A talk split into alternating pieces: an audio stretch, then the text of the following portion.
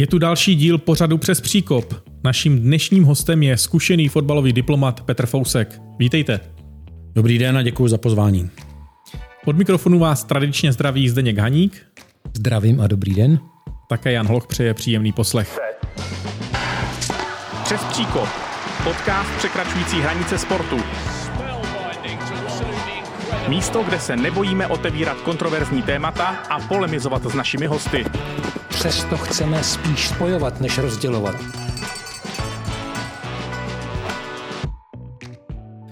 Hlavním tématem dnešního příkopu bude logicky zákoutí fotbalové diplomacie. Petře, jak se sportovní diplomacie proměnila za těch zhruba 30 let, co se jí věnujete?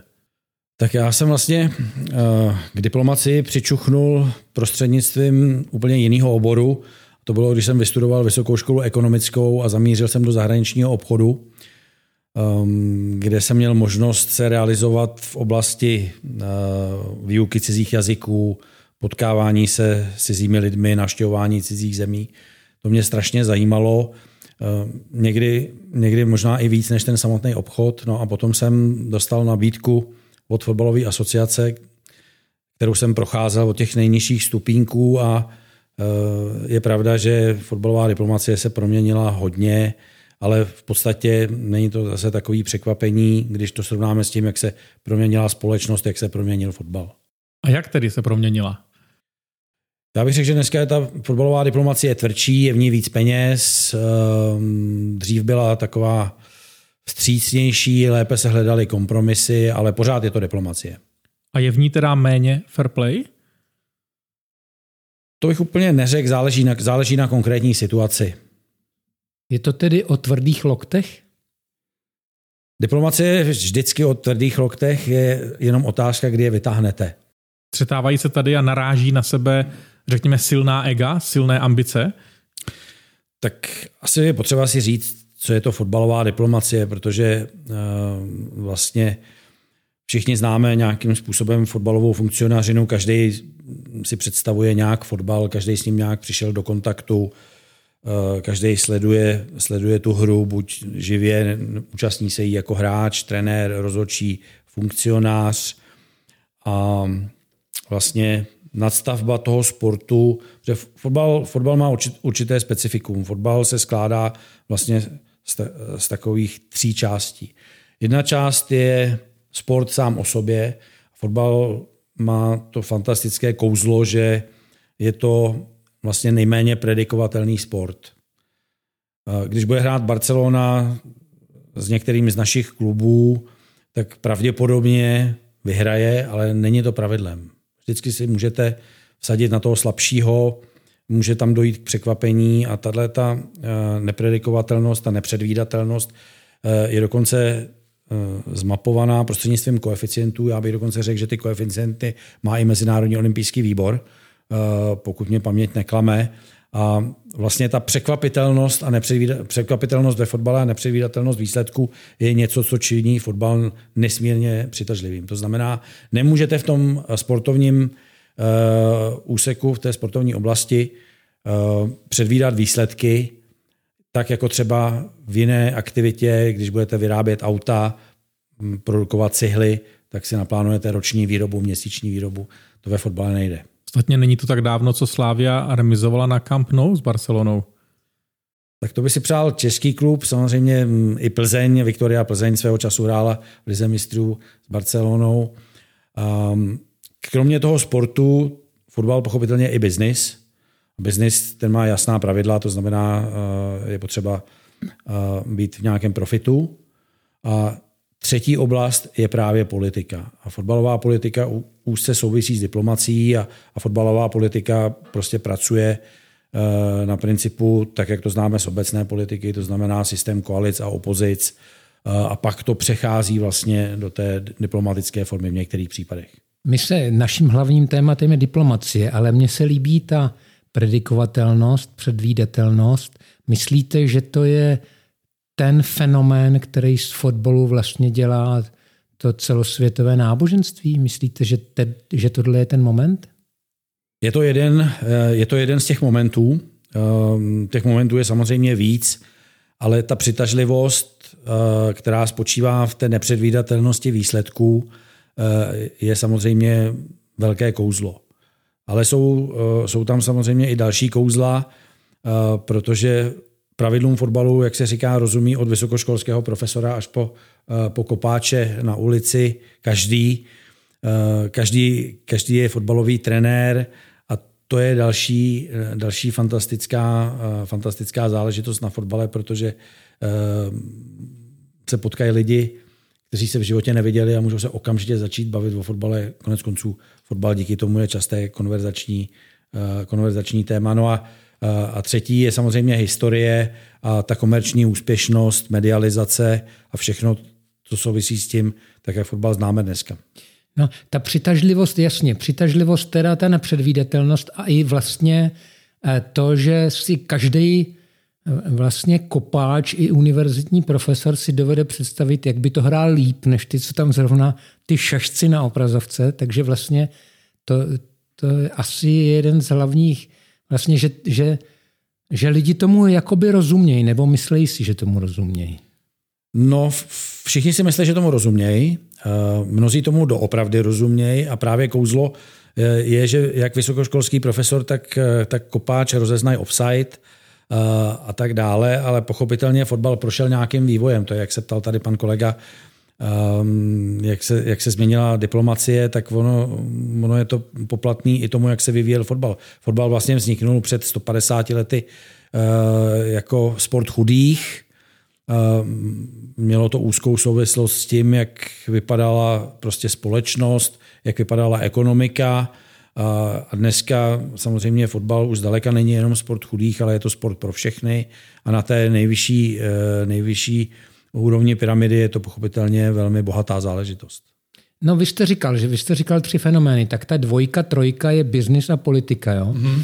A eh, dneska je situace taková, to bych se zeptal na, na, na, z, té, z té biznisové sféry. Tak eh, jestli jsem, se dobře, jestli jsem se dobře díval, tak nějaká výstupní cena Messiho je stejná jako rozpočet celého českého sportu se vším všudy. To znamená nějakých 7 miliard, myslím, nebo kolik to je. Tak eh, co tomu říká? Je, je tohle v pořádku? Je to v pořádku, protože je to, eh, je to vlastně určeno, eh, určeno trhem a je potřeba vzít úvahu, že fotbal je pochopitelně biznis a svým způsobem i show business. Je to zábava, to znamená, hledají se, hledají se na druhou stranu určitá opatření, jak regulovat některé záležitosti. Mluví se o platových stropech, eh, které třeba v některých jiných sportech existují.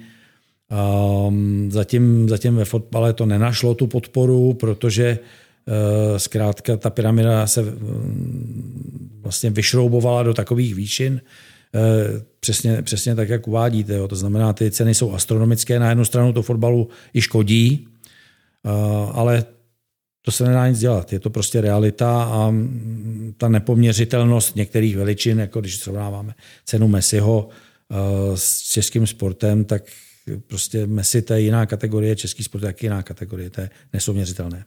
A váš osobní pohled, eh, byla by cesta platových stropů ve fotbale cestou dobrou? Já toho nejsem úplně zastáncem, protože um, o tom se diskutuje neustále. Uh, ten důvod, proč toho nejsem zastáncem, je, že to přispívá k platové stropy, chápu to rácio, eh, ale přispívá to k určité nivelizaci. A my máme ve fotbale kluby, na které mno, mnozí poukazují, jako Paris Saint-Germain ve Francii eh, nebo Manchester City, vlastní to eh, bohatí šejkové, celá řada dalších klubů. Ale na druhou stranu Eh, já v tom vidím možnost jakýchsi lokomotiv v tom vlaku, rozvoje, přivádění bohatých hráčů, nejlepších trenérů eh, a vlastně proměňování v takovou určitou atraktivitu.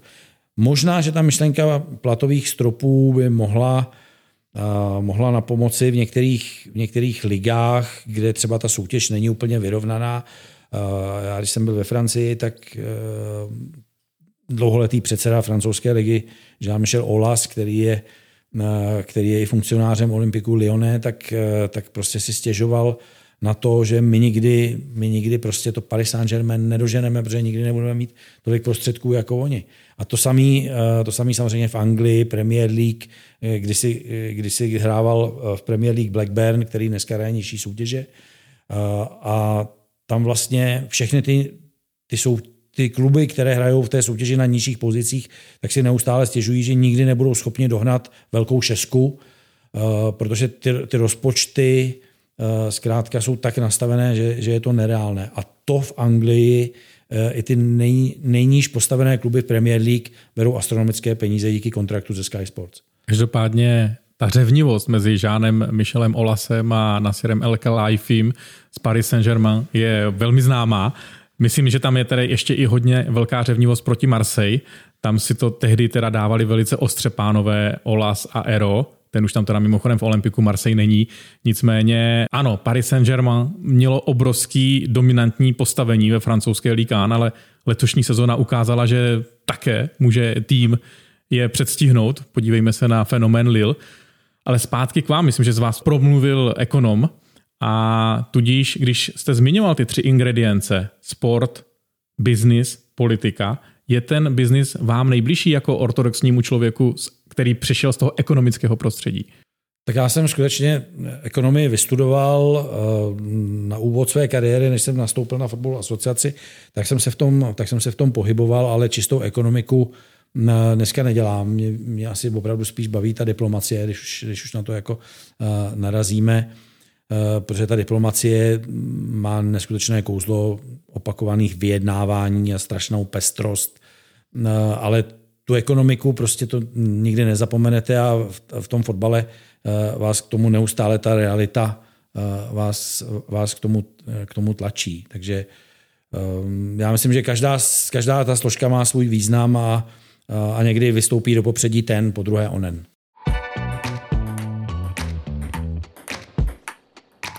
My se k té třetí složce, k té politice dostaneme, ale já mám takový mm, vlastně můstek k tomu že ti vlastníci a ti, ti bohatí lidé za tím fotbalem mají vlastně i nějakou politickou moc. Já nevím, jestli se to teď podílelo v poslední době, kdy jsme bojovali o to, aby otevřeli mládežnický amatérský sport a vlastně se to nepovedlo, ale diváky do, do eh, ochozů na, na první ligu třeba pustí. Bylo to třeba i tlakem ekonomickým? Že, takto, že vlastně eh, ten zákaz venkovního sportu byl docela nesmyslný. Jako jste, jste, myslím si, že, že sport to opravdu odskákal zbytečně moc. A, ale vlastně dlouho se to drželo, ten zákaz, pak se to začalo povolovat, ale dřív, než děti na hřiště se dostali diváci do ochozu. Bylo to tím ekonomickým tlakem? Já si nemyslím. Já myslím, že nejdřív bych se vrátil k tomu, eh, k tomu, že vlastně amatéři a zejména mládež eh, nemohla spartovat tak, jak bychom si všichni představovali. To se netýká jenom fotbalu. Eh, fotbal to strašně poznamenalo. Vlastně z pohledu českého fotbalu my jsme mohli hrát jenom profesionální soutěže s pravidelným testováním první a druhou ligu a národní pohár. Ta amatérská úroveň strašně utrpěla, protože vlastně Eh, před rokem ty, ty soutěže se zastavily, pak se na podzim částečně rozběhly, odehrálo se, dejme tomu 7-8 kol, pak se to znova přerušilo a teď se to muselo ukončit. To znamená, eh, my budeme, my budeme čelit výzvám na, eh, nechci říct pokles členské základny, ale na její udržení, protože fotbal má 300 tisíc členů a samozřejmě chtěl by dál tu svoji členskou základnu rozšiřovat, rozvíjet. A i to sportování dětí Eh, to se netýká jenom fotbalu, ale vlastně všech sportů v České republice, ale ten, ten příklad, tak jak jste to správně zmínil, i když se všechny sporty spojily a, a, a s podporou ČUSu a ČEOV a tak dále, Národní sportovní agentury, tak nebyli schopni prolomit vlastně tu, ten blok eh, a já nejsem epidemiolog, nejsem, nejsem specialista na tuto problematiku, ale můj selský rozum a, a moje fotbalová funkcionářina mi říká, eh, že ta omezení měla být uvolněna dřív a samozřejmě měli jsme umožnit mládeži, mládeži sportovat. Myslíte si, že jsme byli jako sport příliš slabí ve vyjednávání? To nemůžu odhadnout. Tak na blízku jsem tomu nebyl. Možná, že sport se mohl víc spojit, být víc agresivnější. Eh, asi, asi, asi by se dalo o tom diskutovat. Ale ještě k tomu návratu diváků do hledišť, eh, já bych v této souvislosti chtěl říct, že jak, se, jak co se týká vlastně návratu sportovců na hřiště, tak co se týká návratu diváků do hledišť, tak my jsme zaostali za jinými zeměmi jiné země uvolňovaly rychleji a uvolňovaly rychleji i ten návrat diváků, diváků do hledišť. Já samozřejmě vidím tu Anglii, jak, jak postupně už připravuje, protože se blíží euro, jak Anglie připravuje vlastně to, aby v červnu ta omezení vlastně postupně padla a ty zápasy eura, ty, které vlastně teda budou v Anglii se odehrávat, tak aby se mohli hrát co největším počtem, počtem diváků. Tady bojujeme o různé výjimky a, a já nevím, jak se všechny ty projekty jmenují, Cesta ze tmy a, a nevím, jestli jsem to správně pojmenoval, a experimenty týkající se třeba i kultury a tak dále. To znamená, já to vidím i celospolečenskou záležitost, že, že se nám nepodařilo jako společnosti tyhle ty věci rychleji odblokovat. A proč k tomu došlo, že opravdu v Česku jsme byli poslední, úplně poslední ze všech, kteří otevírali hřiště pro děti, pro profesionály, pro diváky. Já myslím, že to je zejména otázka pro ty, eh, kteří ta eh, omezení uvalili. To nepochybně, ale jak to vy čtete jako zkušený diplomat? Já to čtu jako možná, abych, aby mě někdo nechytil za slovo, že jsem, že jsem se tady pokusil konfrontovat Eh, s nějakou epidemiologickou frontou a s, nějakou, s nějakými odborníky na tuhle tu problematiku, ale já čtu jako možná až předanou opatrnost um, a takové, nechci říct alibismus, ale uh, co kdyby se nám to tady náhodou znova rozběhlo uh, a my bychom o tom se ty věci museli, museli zavírat, ale to si myslím, že se pouštíme na teritorium Eh, které mnohokrát ve společnosti bylo diskutováno tam a zpátky. Je to pochopitelně i politická záležitost výměny ministrů a tak dále. Všichni jsme to, eh, všichni jsme to sledovali.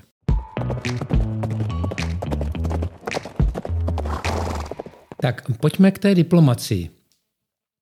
Co je hm, podle vás, ještě než půjdeme úplně k vaší osobě, co je pro vás eh, dobrá výbava stát se ne, diplomatem, eh, diplomatem, prostě eh, činovníkem. Začneme u Českého fotbalového svazu a, a nechci nějak naznačovat, že přeci jenom fotbal má těžké období ze sebou.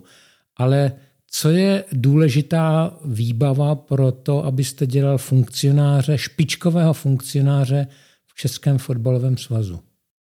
Tak moje specialita je spíš mezinárodní oblast, když se bavíme o diplomacii, protože um, já jsem vlastně díky souhře okolností postupoval možná rychleji v tom, uh, v tom zahraničním působení než, uh, než tu zemsku. Uh, pochopitelně ty věci jsou nějakým způsobem propojené, protože domácí funkce nebo funkce v domácím svazu vás svým způsobem doporučuje i do některých zahraničních pozic. Ale já jsem měl to štěstí, že vlastně tím, že jsem měl to působení za sebou v tom zahraničním obchodě, to znamená nějakou jazykovou vybavenost, která v té době nebyla rozhodně automatická, dnešní generace je na tom přece jenom nepoměrně lépe, tak jsem se poměrně rychle dostal i do těch mezinárodních kruhů a tam se člověk naučí, jak vystupovat, jak se chovat, jak jednat, jak komunikovat, Eh, jak celou řadu věcí vyjednávat, pochopitelně kdy zvolit eh, nějakou toleranci, kdy zvolit kompromis, kdy zvolit agresivitu. Eh, je potřeba k tomu mít i nějaké, nějaké povahové vybavení, to není, není to jako věc pro každého. A já jsem tady v českém fotbale a v českém svazu jsem vlastně zaznamenal takovou sinusoidu, kdy jsem nějakým způsobem postupoval na tom kariérním žebříčku, Eh, propracoval jsem se postupně z nejnižších funkcí přes ředitelské posty až na generálního sekretáře. Pak jsem ze svazu odešel právě zase kvůli politice, protože v českém fotbale se strašně moc válčilo. Měli jsme tam rok 2005, kdy byly tři valné hromady jeden, v jednom roce. Nebyli jsme schopni dvakrát zvolit předsedu. Předsedu, předseda byl zvolen až vlastně po únorovém a dubnovém pokusu až v listopadu, kdy se ze spojenců stali rivalové a z rivalů se stali spojenci. To jsou věci, které samozřejmě fotbalu škodějí nebo sportu vůbec, protože když je politiky moc, tak ten sport poškozuje. To platí bez ohledu na to, jestli se jedná o okresní fotbalový svaz, o krajský, o FAČER, o UEFu, o FIFu. Asi to známe všichni. Dobře, ale e, e, to děkuji za vysvětlení, to, je, to, je, to zní zajímavě, ale vaše, va, vaše výbava. Jaká je vaše výbava? Kde vidíte svoje? E, vy jste je naznačil, že to chce určité povahové vlastnosti. Jaké? Já myslím, že to určitě chce empatii. A potom celou tu škálu, eh, aby člověk dokázal nějakým způsobem vyhodnotit tu situaci, nechci říct zdravý rozum, ale nějaký odhad, eh, prostě určitou, určitou i životní a profesní zkušenost. A potom, aby, eh, aby prostě ten diplomat takzvaný věděl, kdy má kterou prostě, nechci říct zbraň, ale kdy který nástroj z toho rejstříku použít, aby věděl, kdy prostě přitlačit, kdy ubrat a, a tak. No a potom pochopitelně na té mezinárodní scéně je potřeba, eh, je potřeba eh, to doplnit o ty jazyky a tam ta konkurence je mnohem větší. Jo.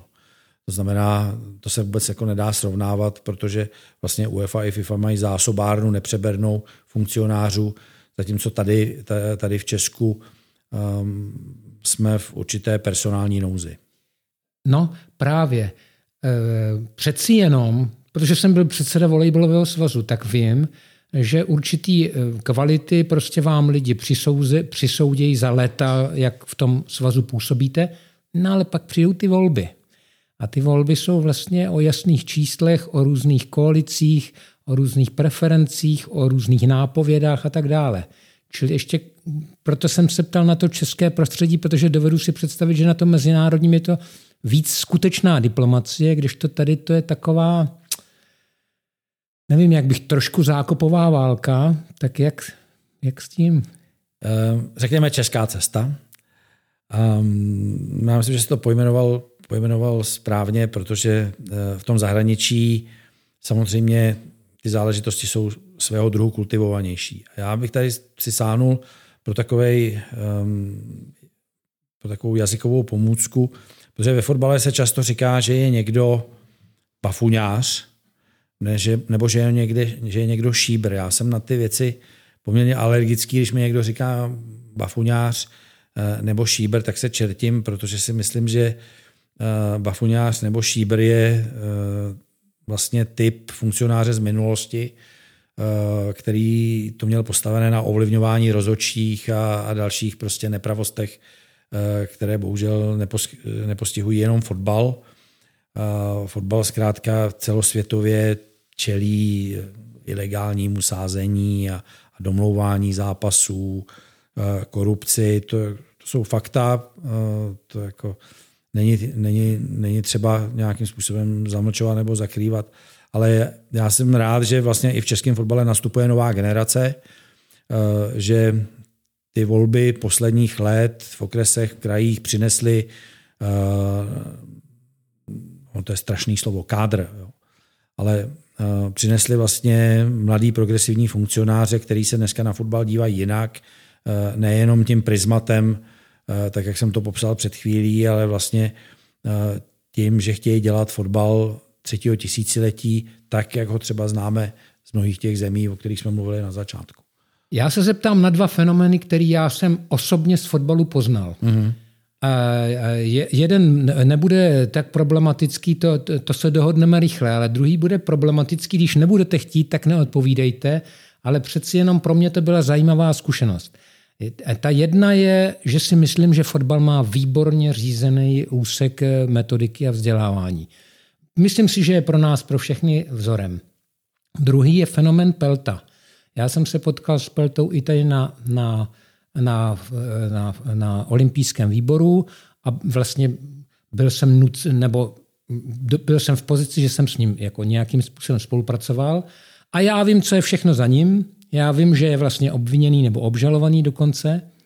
A přeci jenom jsem viděl, že on jako měl tendenci dát lidem prostor, jak, jak jsem viděl na svazu eh, fotbalovém, ten barák, kam jsem chodíval, jakoby, tak se mně zdálo, že ho lidi měli docela rádi a e, držel slovo, to vím, jako, jako tehdejší předseda svazu volejbalů. A, a dokonce jsem cítil i progresivní prvky. Jednou mi vyprávěl, že chtěl přivést Matiase Samra sem jako sportovního ředitele, což mě jako docela imponovalo jako odvážný krok. Pak mi vysvětlil, kolik to stojí a tak dále. Takže jak se na to díváte, protože není to jednoduchý o něm mluvit. Bylo to neštěstí pro fotbal nebo štěstí, nebo jak to bylo? No já jsem několik let dělal uh, Miroslavu Peltovi poradce, protože tak, jak jsem tady mluvil o té své kariéře, tak já jsem vlastně um, po v roce 2007 po nějakých válkách s Vlastimilem Košťálem a tak dále, prostě to byla tehdejší funkcionářská garnitura, uh, tak jsem ze svazu, ze svazu odešel. Uh, ten svaz byl strašně spolitizovaný, byly tam, byly tam nesmírný tenze a vlastně teprve s návratem Ivana Haška, eh, který mu jsem nějakým způsobem pomáhal ve volebním týmu, eh, tak došlo k určitým, k určitým změnám, prvoplánovým změnám. Bohužel v hloubce eh, se mezi tím odehrály některé skutečnosti, který, se kterými byl fotbal konfrontován až později. A my jsme se nedohodli na Eh, úplně na spolupráci, ale Ivan Hašek vlastně předsedoval jenom dva roky. To vím. A on, eh, on přicházel s nesmírným očekáváním. Byl to samozřejmě slavný hráč, 50 eh, zápasů za národní mužstvo. Vycházíme spolu dobře a přicházel, přicházel s gloriolou dopředu určitého spasitele, to znamená, chtěl ho celý fotbal, celá fotbalová rodina, bylo, bylo dopředu jasný, že kdyby kandidoval kdokoliv, takže proti němu nebude mít šanci, že Ivan Hašek bude zvolen, ale měl podporu pochopitelně i médií, veřejnosti, fanoušků, sponzorů, politiků, bývalých hráčů. To znamená, nebyla jediná skupina, eh, která by řekla Ivan Hašek je špatně nebo Ivan Hašek pochybnosti a tak dále. To znamená Ivan Hašek na hrad Eh, ale po dvou letech vlastně Ivan Hašek rezignoval a český fotbal byl eh, v komplikované situaci, protože ten mandát je čtyřletý a většinou ta rezignace přichází jenom, když jsou nějaké vážné, vážné důvody. Uh, Ivan Hašek to prostě takhle uchopil a vlastně po určitých jednáních byl zvolen Miroslav Pelta. A já musím říct, že Miroslav Pelta mě oslovil a řekl mi, já se nedovedu představit, že bych tvoje zkušenosti a tvoje odbornosti nechal ležet ladem, takže bych byl rád, aby si se zase do svazu jako přiblížil. Teď jsme začali diskutovat o tom, jaké by byly možnosti. Nakonec, e, prostě, protože byly věci, které já jsem nechtěl, byly zase který, věci, které on udělat nemohl. E, takže kompromisem byla pozice poradce, samozřejmě s akcentem na tu mezinárodní oblast, protože každý předseda, který přijde nový, tak eh, nějakým způsobem přichází eh, i do toho prostředí FIFI, UEFI, nějaké zastoupení v komisích, vyjednání pro pozic, eh, pozic pro český fotbal. A tady pochopitelně, pochopitelně jsme intenzivně spolupracovali. Potom vlastně to moje poradenství vyvrcholilo i tím, že jsem, že jsem dostal na starost nejdřív přípravu a potom šéfování toho mistrovství Evropy do 21 let Eh, které tady bylo v roce 2015, ale ono se řekne 2015, ale to byl šestiletý projekt, jo, protože my jsme kandidovali na dvakrát, takže připravit tu kandidaturu, takže nejdřív to byl přípravný výbor, potom organizační výbor a tak dále. Možná, že se k tomu ještě dostaneme, ale uh, ono je něco jiného vidět nebo znát Mirka Peltu zevnitř. Je to člověk, který je fotbalu nesmírně odán. Uh, fotbal zaujímá v jeho, v jeho životě a v jeho srdci eh, velký prostor. No a potom je to vidění zvenku, ehm, které samozřejmě souvisí s tou kauzou dotační a tak dále. Ehm, já bych se vrátil ještě, ještě na začátek, abych nemluvil jenom o Peltovi, samozřejmě taky sám dneska jsem konfrontován s tím, že eh, lidi říkají, no, ty jsi byl taky poradce toho Pelty a tak dále. Prostě je tady nějaké vidění, ale chtěl jsem, chtěl jsem se vrátit k tomu prvnímu, na co jste se ptal, a to je vlastně fotbal. Fotbal je strašně industriální. Fotbal je velice dobře řízen, nejenom v oblasti, v oblasti vzdělávání a tak dále. To znamená, to je zase rezort, ke kterému máte vy nejblíž, ale i v celé řadě dalších věcí. Vy jste chtěl, pardon, vy jste chtěl říct, že je strašně dobře řízen celosvětově. Celosvětově, ale i evropsky. Samozřejmě tady v Česku jsme se dopustili některých věcí, které jako nepochybně, nepochybně ten fotbal poškodili a, a, a šli, by dělat, šli by dělat lépe, ale ať se to veme, jak se to veme, tak fotbal ve své podstatě je řízen pořád profesionálně. Eh, není to amatérské řízení. Při všech defektech a při všech vlastních problémech a vlastních rezervách, eh, které, které má. To je, eh, ten, ten dojem to má, je, je to prostě, je to sport číslo jedna, prostě to je, to je samozřejmě jasný, ale Jane, vy se na mě díváte, že byste chtěl položit otázku. Už jsem dlouho si bral slovo. O to nejde, spíš bych na vás navázal. Eh, já vím, že to není černobílé, ale přesto, když byste měl Peltovi dát znaménko, bude to plus, bude to minus, bude to nula, neutrální, jak prospěl českému fotbalu? Já si myslím, že to nejde takhle, takhle jednoznačně eh, charakterizovat nějakým znaménkem. Samozřejmě je tam, je tam nějaká ambivalence, je celá řada věcí, eh, které se mu jako předsedovi povedly. Postoupili jsme na euro, postavil, postavil nové sídlo svazu, Eh, další, další záležitosti.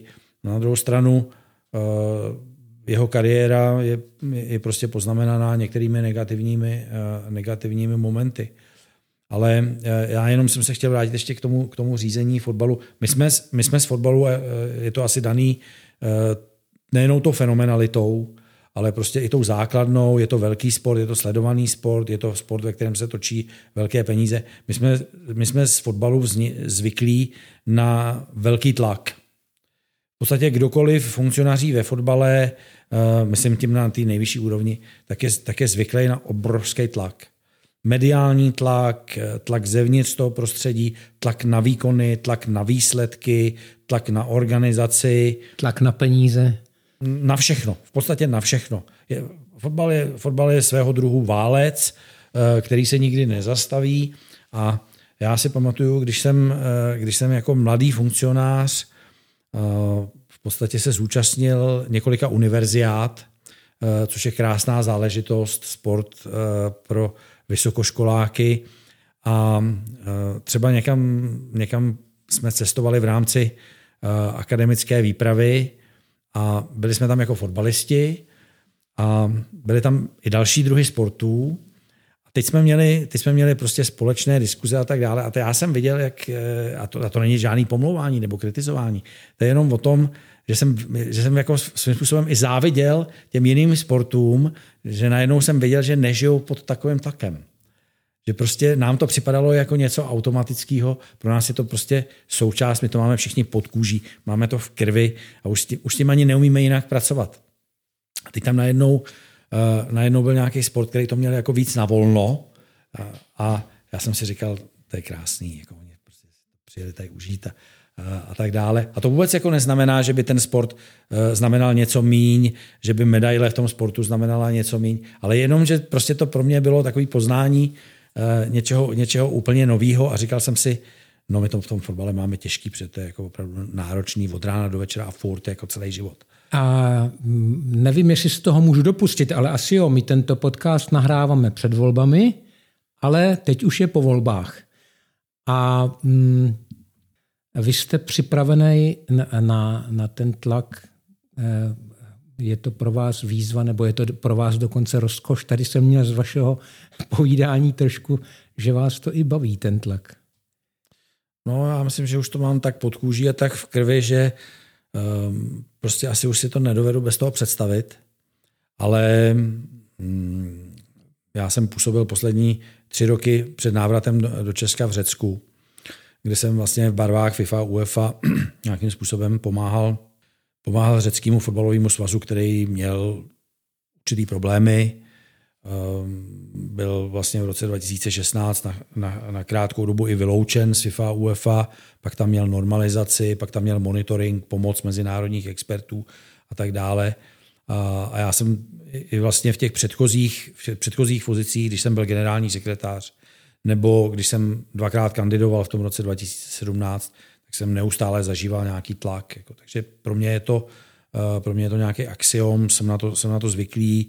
Uh, pochopitelně k tomu patří i média, takže já, já jsem tady rád, že si, že si můžu s vámi porozprávět v podcastu. Někdo by se tady potil nebo klepal, ale já jsem taky jedno, jedno z oddělení, kterého jsem řediteloval asi tři roky, bylo PR a komunikace. Takže tohle mi vůbec jako nevadí. Naopak, já to, já to vítám a vždycky, když někam přijdu do nějakého do nějakého pořadu televizního nebo do rozhlasového nebo někam, nebo někde dělám nějaký rozhovor, tak říkám jasně, úplně jsem se připravený na všechno, budu tady, jak dlouho bude potřeba, ptejte se na, ptejte se na co chcete. Když jste zmínil ty povahové vlastnosti a vlohy, které jsou nutné pro tu diplomacii, tak musí se s nimi člověk narodit, nebo se nehezky řečeno dá diplomacii vyučit? Dobrá otázka, protože eh, já bych této souvislosti zmínil, zmínil něco, eh, co bych řekl, že fotbal trošku asi trápí nebo malinko poznamenává. Ve fotbale, když jste hráč, tak vlastně začínáte od přípravky, od nějakých prostě pěti, šesti let a celou dobu vás jako hráče vede někdo. Vedou vás nějaký trenéři, pak postoupíte z přípravky do žáků, z žáků do dorostu, z dorostu do dospělých a neustále vás vlastně kaučují trenéři, někdo vás vede. To samé, když, se, když jste rozhodčí, začínáte na nejvyšší úrovni, pak možná postoupíte do vyšší soutěže, je tam nějaká komise rozhodčích, je tam někdo, eh, kdo s váma pracuje metodicky. Eh, to samé, když jste trenér.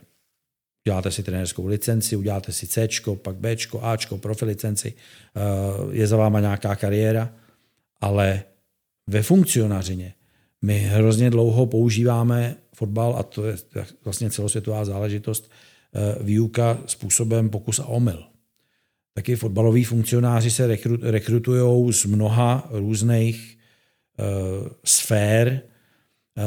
Fotbaloví funkcionáři jsou bývalí hráči, fotbaloví funkcionáři jsou bývalí trenéři, jsou to biznismeni, jsou to právníci, jsou to ekonomové, uh, jsou to, jsou to prostě lidi vlastně někdy až z neuvěřitelných Eh, součástí lidského působení a ty všichni nějakým způsobem dělají tu fotbalovou, fotbalovou funkcionařinu a my na to nemáme žádnou školu. Ano, existuje celá řada škol se sportovním zaměřením nebo dneska už s funkcionářským zaměřením, ale pořád to není ten systém, že byste prostě řekl v určitý fázi svého vzdělávacího procesu, civilního, ne fotbalového, Eh, že byste řekl, já bych se chtěl vyučit nebo vystudovat na fotbalového funkcionáře. Na tom není univerzita.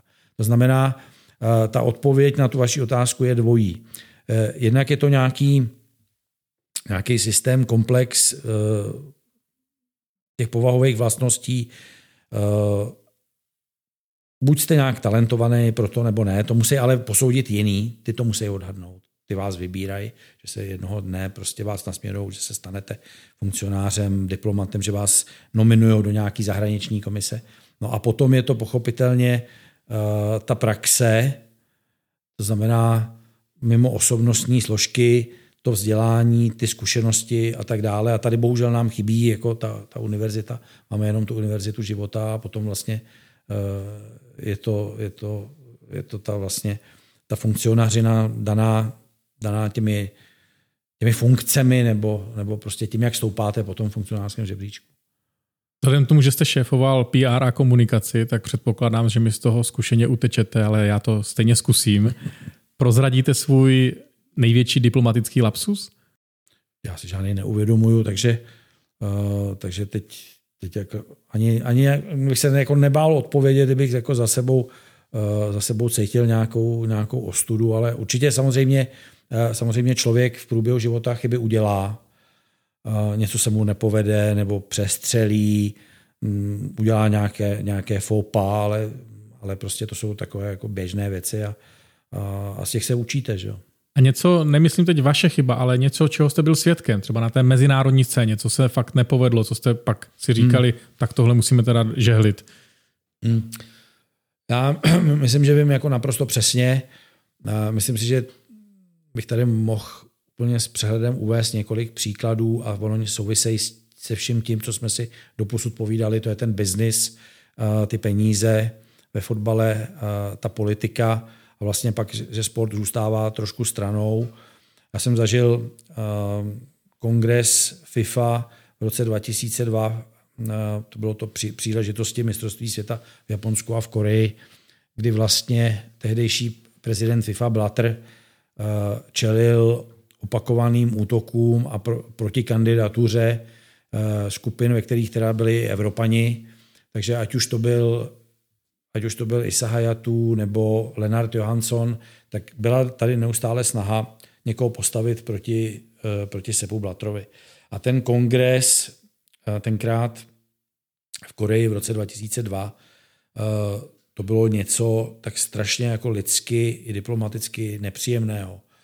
Tam se odehrávaly scény na fóru, že jo, prostě kongres FIFA je tisíc lidí, protože FIFA má 211 svazů, každý svaz tam jede vstříčnou delegací, pak je tam x médií, je to všechno pod drobnohledem eh, televizí ze všech šesti kontinentů.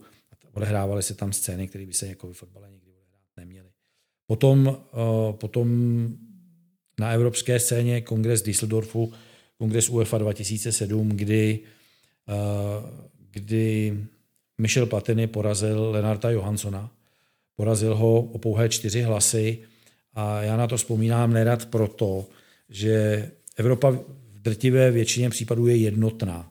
Vybere nějakého, nějakého předsedu, eh, se seřadí se za ním, jako teď třeba Čeferin, eh, a předtím třeba Johansson byl 20 let, 20 let předseda, ale tehdy ten rok 2007 ta Evropa byla rozdělená téměř jako na dvě stejné, dvě stejné poloviny. To je vlastně to, o čem jsme si povídali před tím podcastem. Ta, ta, ten trend těch vyrovnaných voleb. No a tady v Česku ten rok 2005 vlastně to, že jsme nebyli schopni ani na, vlastně na dvakrát, až, až na po třetí eh, zvolit předsedu. Takže jsou tady momenty, eh, na které vzpomínám tímhle způsob. Zkuste říct, eh, opustme teď jako trošku politiku, zkuste říct, kromě toho, že by to potřebovalo třeba nějak vyčistit a tak dále, ale to, toho jsou plná média. Co si myslíte z profesního hlediska potřebuje teď fotbal? Co, co teď nejvíc potřebuje? Český fotbal, myslím. Český fotbal. Tak český, český fotbal v první řadě potřebuje um, ukázat, že je transparentní, potřebuje změnit vnímání ve společnosti, potřebuje změnit kredibilitu. Uh, aby byl vnímán tak, jak prostě se na fotbal sluší a patří. Fotbal je největší, nejrenomovanější sport, má u nás velkou základnu, na světě ho hraje x miliard lidí, to znamená, ta fenomenalita je jasná. A tím, čeho se občas fotbal dopustil, ať už objektivně nebo subjektivně, tak si zadělal na problémy a, a, a prostě to je potřeba, a to je potřeba změnit. A tohle je asi to nejdůležitější, co by teď český fotbal měl udělat. Tak je potřeba pochopitelně fotbal sklidnit, eh, fotbal sjednotit a, a tvrdě pracovat. Dobře, ale to jste mě odpověděl politicky. Řekněme, že bych se vás zeptal jako trenér, co byste vy eh, viděl jako nutný pro to, aby byl třeba lepší, aby, byl, aby se dostal víc do světové špičky, aby produkoval hráče do, eh, do prestižních týmů, čili mezinárodní kompatibilita a tak dále. Co? No já jsem vám odpověděl politicky, protože vy jste se politicky ptal. Eh, to, na co se ptáte teď, je, eh, se ptáte na materii eh, a to je vlastně souvisí s organizací a řízením fotbalu a to je jasný. Aby byl fotbal lepší, tak musí pracovat na tom, aby měl lepší organizaci, lepší strukturu a v mém programu před volbama tyhle ty věci byly jasně, eh, jasně popsané. To znamená, já jenom, jenom příklad, eh, který, který jsem dával i při vlastně svých cestách po vlastech českých, po krajských a okresních fotbalových svazech a, a vlastně po klubech. V UEFA existuje takový program, který se jmenuje Fotbalová federace budoucnosti. Je to, je to určitý know-how, je to takový soubor, soubor know-how, který, který vlastně ty fotbalové svazy, kterých je v UEFA 55, mají možnost uplatňovat. Je to od strategického plánu až prostě eh, po to vzdělávání, který jste zmínil, organizace soutěží, samozřejmě komerční aktivity, eh, ta sportovní stránka. A eh, tady v tom je nejdál Portugalsko.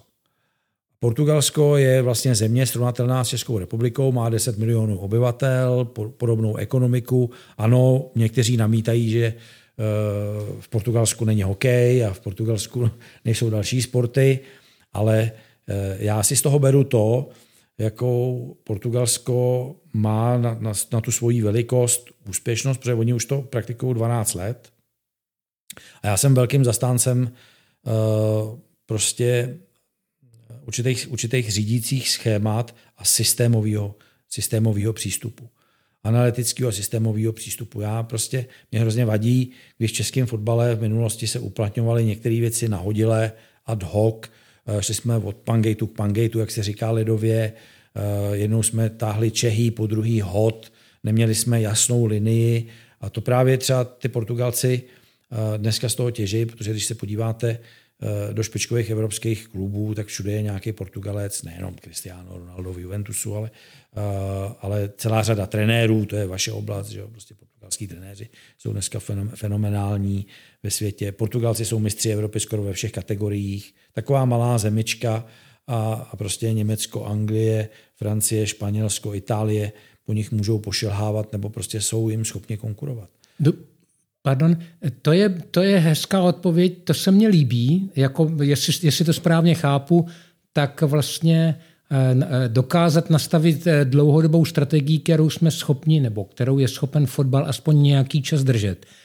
A pak mám jednu takovou všetečnou otázku, kterou jsem vlastně prosazoval naivně ještě v době Pelty a Jansty a, a říkal to Bukač taky a správně, že vlastně ta odbornost by měla sedět, by měla být zastoupena i v tom nejvyšším jako řízení, protože samozřejmě svaz musí řídit funkcionáři, ekonomové, právníci, ale že ta odbornost dostane eh, vlastně slovo až jako v druhém plánu a vlastně, že součástí té strategie, o které mluvíte, musí být asi i ty, ta odbornost, čili že tam nějaký odborník asi, eh, myslím i z hlediska eh, té materie, jak tomu říkáte, že v tom vedení musí sedět. Jak hmm. se na to díváte? No, dívám se na to tak, že eh, v celé řadě zahraničních fotbalových svazů je to vyřešený vlastně konstrukcí toho nejvyššího orgánu, eh, toho výkonného výboru. V celé řadě svazů vlastně zástupce trenérské unie nebo hráčské unie nebo rodocovské unie eh, sedí přímo v tom výkonném výboru. Ono to má celou řadu politických konsekvencí. Pardon, technici, ve fotbale ne. No já mluvím o fotbale teď. Já vím, ale ve fotbale českým ne. Ve fotbale českým ne. Jo, pardon. V jiných svazech fotbalových, zahraničních, ale ono to souvisí s politikou, protože máte nějakým způsobem konstruovaný ten výkonný výbor, což je nejvyšší orgán e, fotbalu, který řídí vlastně ten spolek v období mezi valnými hromadami. A u nás výkonný výbor má 12 členů a ta jeho konstrukce je nějak daná. Je tam předseda, dva místopředsedové, jsou tam dva zástupci za profesionální fotbal a pak jsou tam vlastně zástupci českého a moravského ehm, výkonnostního a regionálního fotbalu. A když bychom najednou začali vytvářet konstrukci, že tam, tam přijde zástupce trenérské unie, rozhodcovské unie, hráčské unie a tak dále, eh, tak ten výkonný výbor začne nabobtnávat a je potřeba určitá proporcionalita. Eh, takže tyhle ty věci je potřeba posuzovat v rámci, v rámci celku a najít ten způsob. Když to nejde politicky, to znamená tak jako v, v Itálii třeba dokonce uh, ta fotbalová asociace a její kongres, její valná hromada je konstruovaná tak, že se volí vlastně v pěti komorách a i ty zástupci hráčů, protože ta, ta hráčská stavovská uh, unie je nesmírně silná, nebo rozhodcovská unie, ta, ta AJA, jako si tam navolí ty svý lidi, tak uh, tam je to daný ze spoda. Pak máte druhou možnost, že prostě tu odbornost tam dodáte jaksi víc, víc direktivně, víc imperativně. To znamená technický ředitel, všichni, kteří jsou v té odborné sféře, ale je potřeba jim dát důvěru, Eh, samozřejmě musí skládat účty a zase ne, aby to bylo jednou doleva, po druhý doprava, ale to je nějaká celonárodní fotbalová strategie, nějaký strategický plán, nějaký, eh, nějaký celá řada dalších sportovních plánů a rozvoj, vzdělávání a tak dále. To, jak jste o tom mluvil. Alespoň z mé strany tedy na závěr, když jsme se vrátili na to mezinárodní fórum, tak ať už ty volby dopadnou, respektive dopadly jakkoliv, Myslíte si, že po té hodně nepříjemné kauze Berber se podaří českému fotbalu v tomto směru, na tom mezinárodním fóru, dostat nebo vrátit se zpátky na ty pozice, případně ještě posílit? Tak český fotbal mezinárodně eh, na tom, na tom není špatně z pohledu úspěšnosti reprezentací. Eh, já jsem teď myslel na polité diplomacie. Já se k tomu, určitě, hned, já se k tomu hned dostanu, ale stará funkcionářská pravda říká, že nejlepší diplomacie se dělá na hřišti. Proto to zmiňuju. Eh, to znamená, já dám příklad, my jsme měli naposled funkcionáře ve výkonném výboru UEFA Františka Chvalovského před 20 lety. On v roce 1994 kandidoval do výkonného výboru UEFA a nebyl zvolen. Eh, ten počet hlasů byl těsně pod limitem zvolení. Eh, on byl strašně nespokojený, strašně nás skritizoval, všechny nás, kteří jsme byli nějakým způsobem Eh, zapojený do toho mezinárodního dění, do toho lobbingu, do toho přesvědčování v čele samozřejmě s Rudolfem Baťou, tehdejším eh, vlastně tehdejší legendou naší, našich mezinárodních vztahů. Um, budeš mu země lehká. A o dva roky později, po úspěchu v Anglii, když jsme udělali stříbro na mistrovství Evropy 96, tak byl, tak byl zvolen vlastně na první pokus.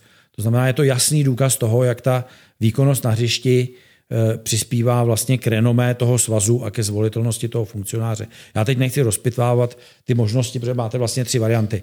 Buď jste silná osobnost, nebo přicházíte ze silného svazu, anebo ideální varianta jste v obojí. A uh, na té sportovní, na té, person, na té personální uh, vlastně úrovni té sportovní diplomacie uh, Pochopitelně je třeba se vrátit na ty pozice, eh, který, který český fotbal by si zasloužil. Ehm, máme tradici, máme úspěchy, ehm, máme, máme zkušenosti, to znamená, je potřeba samozřejmě mít ten lidský materiál a je potřeba se o to pokusit. Já se pokusím o tradiční rezimé, Jane. Eh, já vám děkuji, že jste dorazil a říkám, naprosto otevřeně, že jsem mile překvapen, že to teď, já to můžu říct, protože ne, nevíme, jak dopadnou volby, ale ve chvíli, kdy bude podcast, tak už to budeme vědět. Každopádně jsem mile překvapen, protože jsem už ve sportovní funkcionařině lécos viděl, tak eh, ani nechci předjímat, ani nechci přát eh, vám, protože Karla Poborského mám rád, ale jsem jsem, já jsem osobně mile překvapen, že jste nám naznačil, že, eh, že ta funkcionařina a ta diplomacie, že to není, eh, že to není bafuňařina a, a váš projev to nějak podle mého názoru dokázal. Takže nevím, nemůžu přát, nechci ani naznačovat, nechci nic, ale každopádně děkuju, protože odcházím z tohoto podcastu obohacen. Já se mohu ke Zdeňkovi jenom připojit a jsem moc rád, že jste nám opravdu dal nahlédnout pod pokličku té světové diplomacie fotbalové. Tak já děkuji za pozvání, přišel jsem hrozně rád a odnáším si vlastně ten váš zkaz, že nejsou ve fotbale jenom šíbři a bafuňáři, ale že jsou i funkcionáři moderního typu. Doufáme, že ji budeme mít čím dál tím víc v českém fotbale. Děkuji.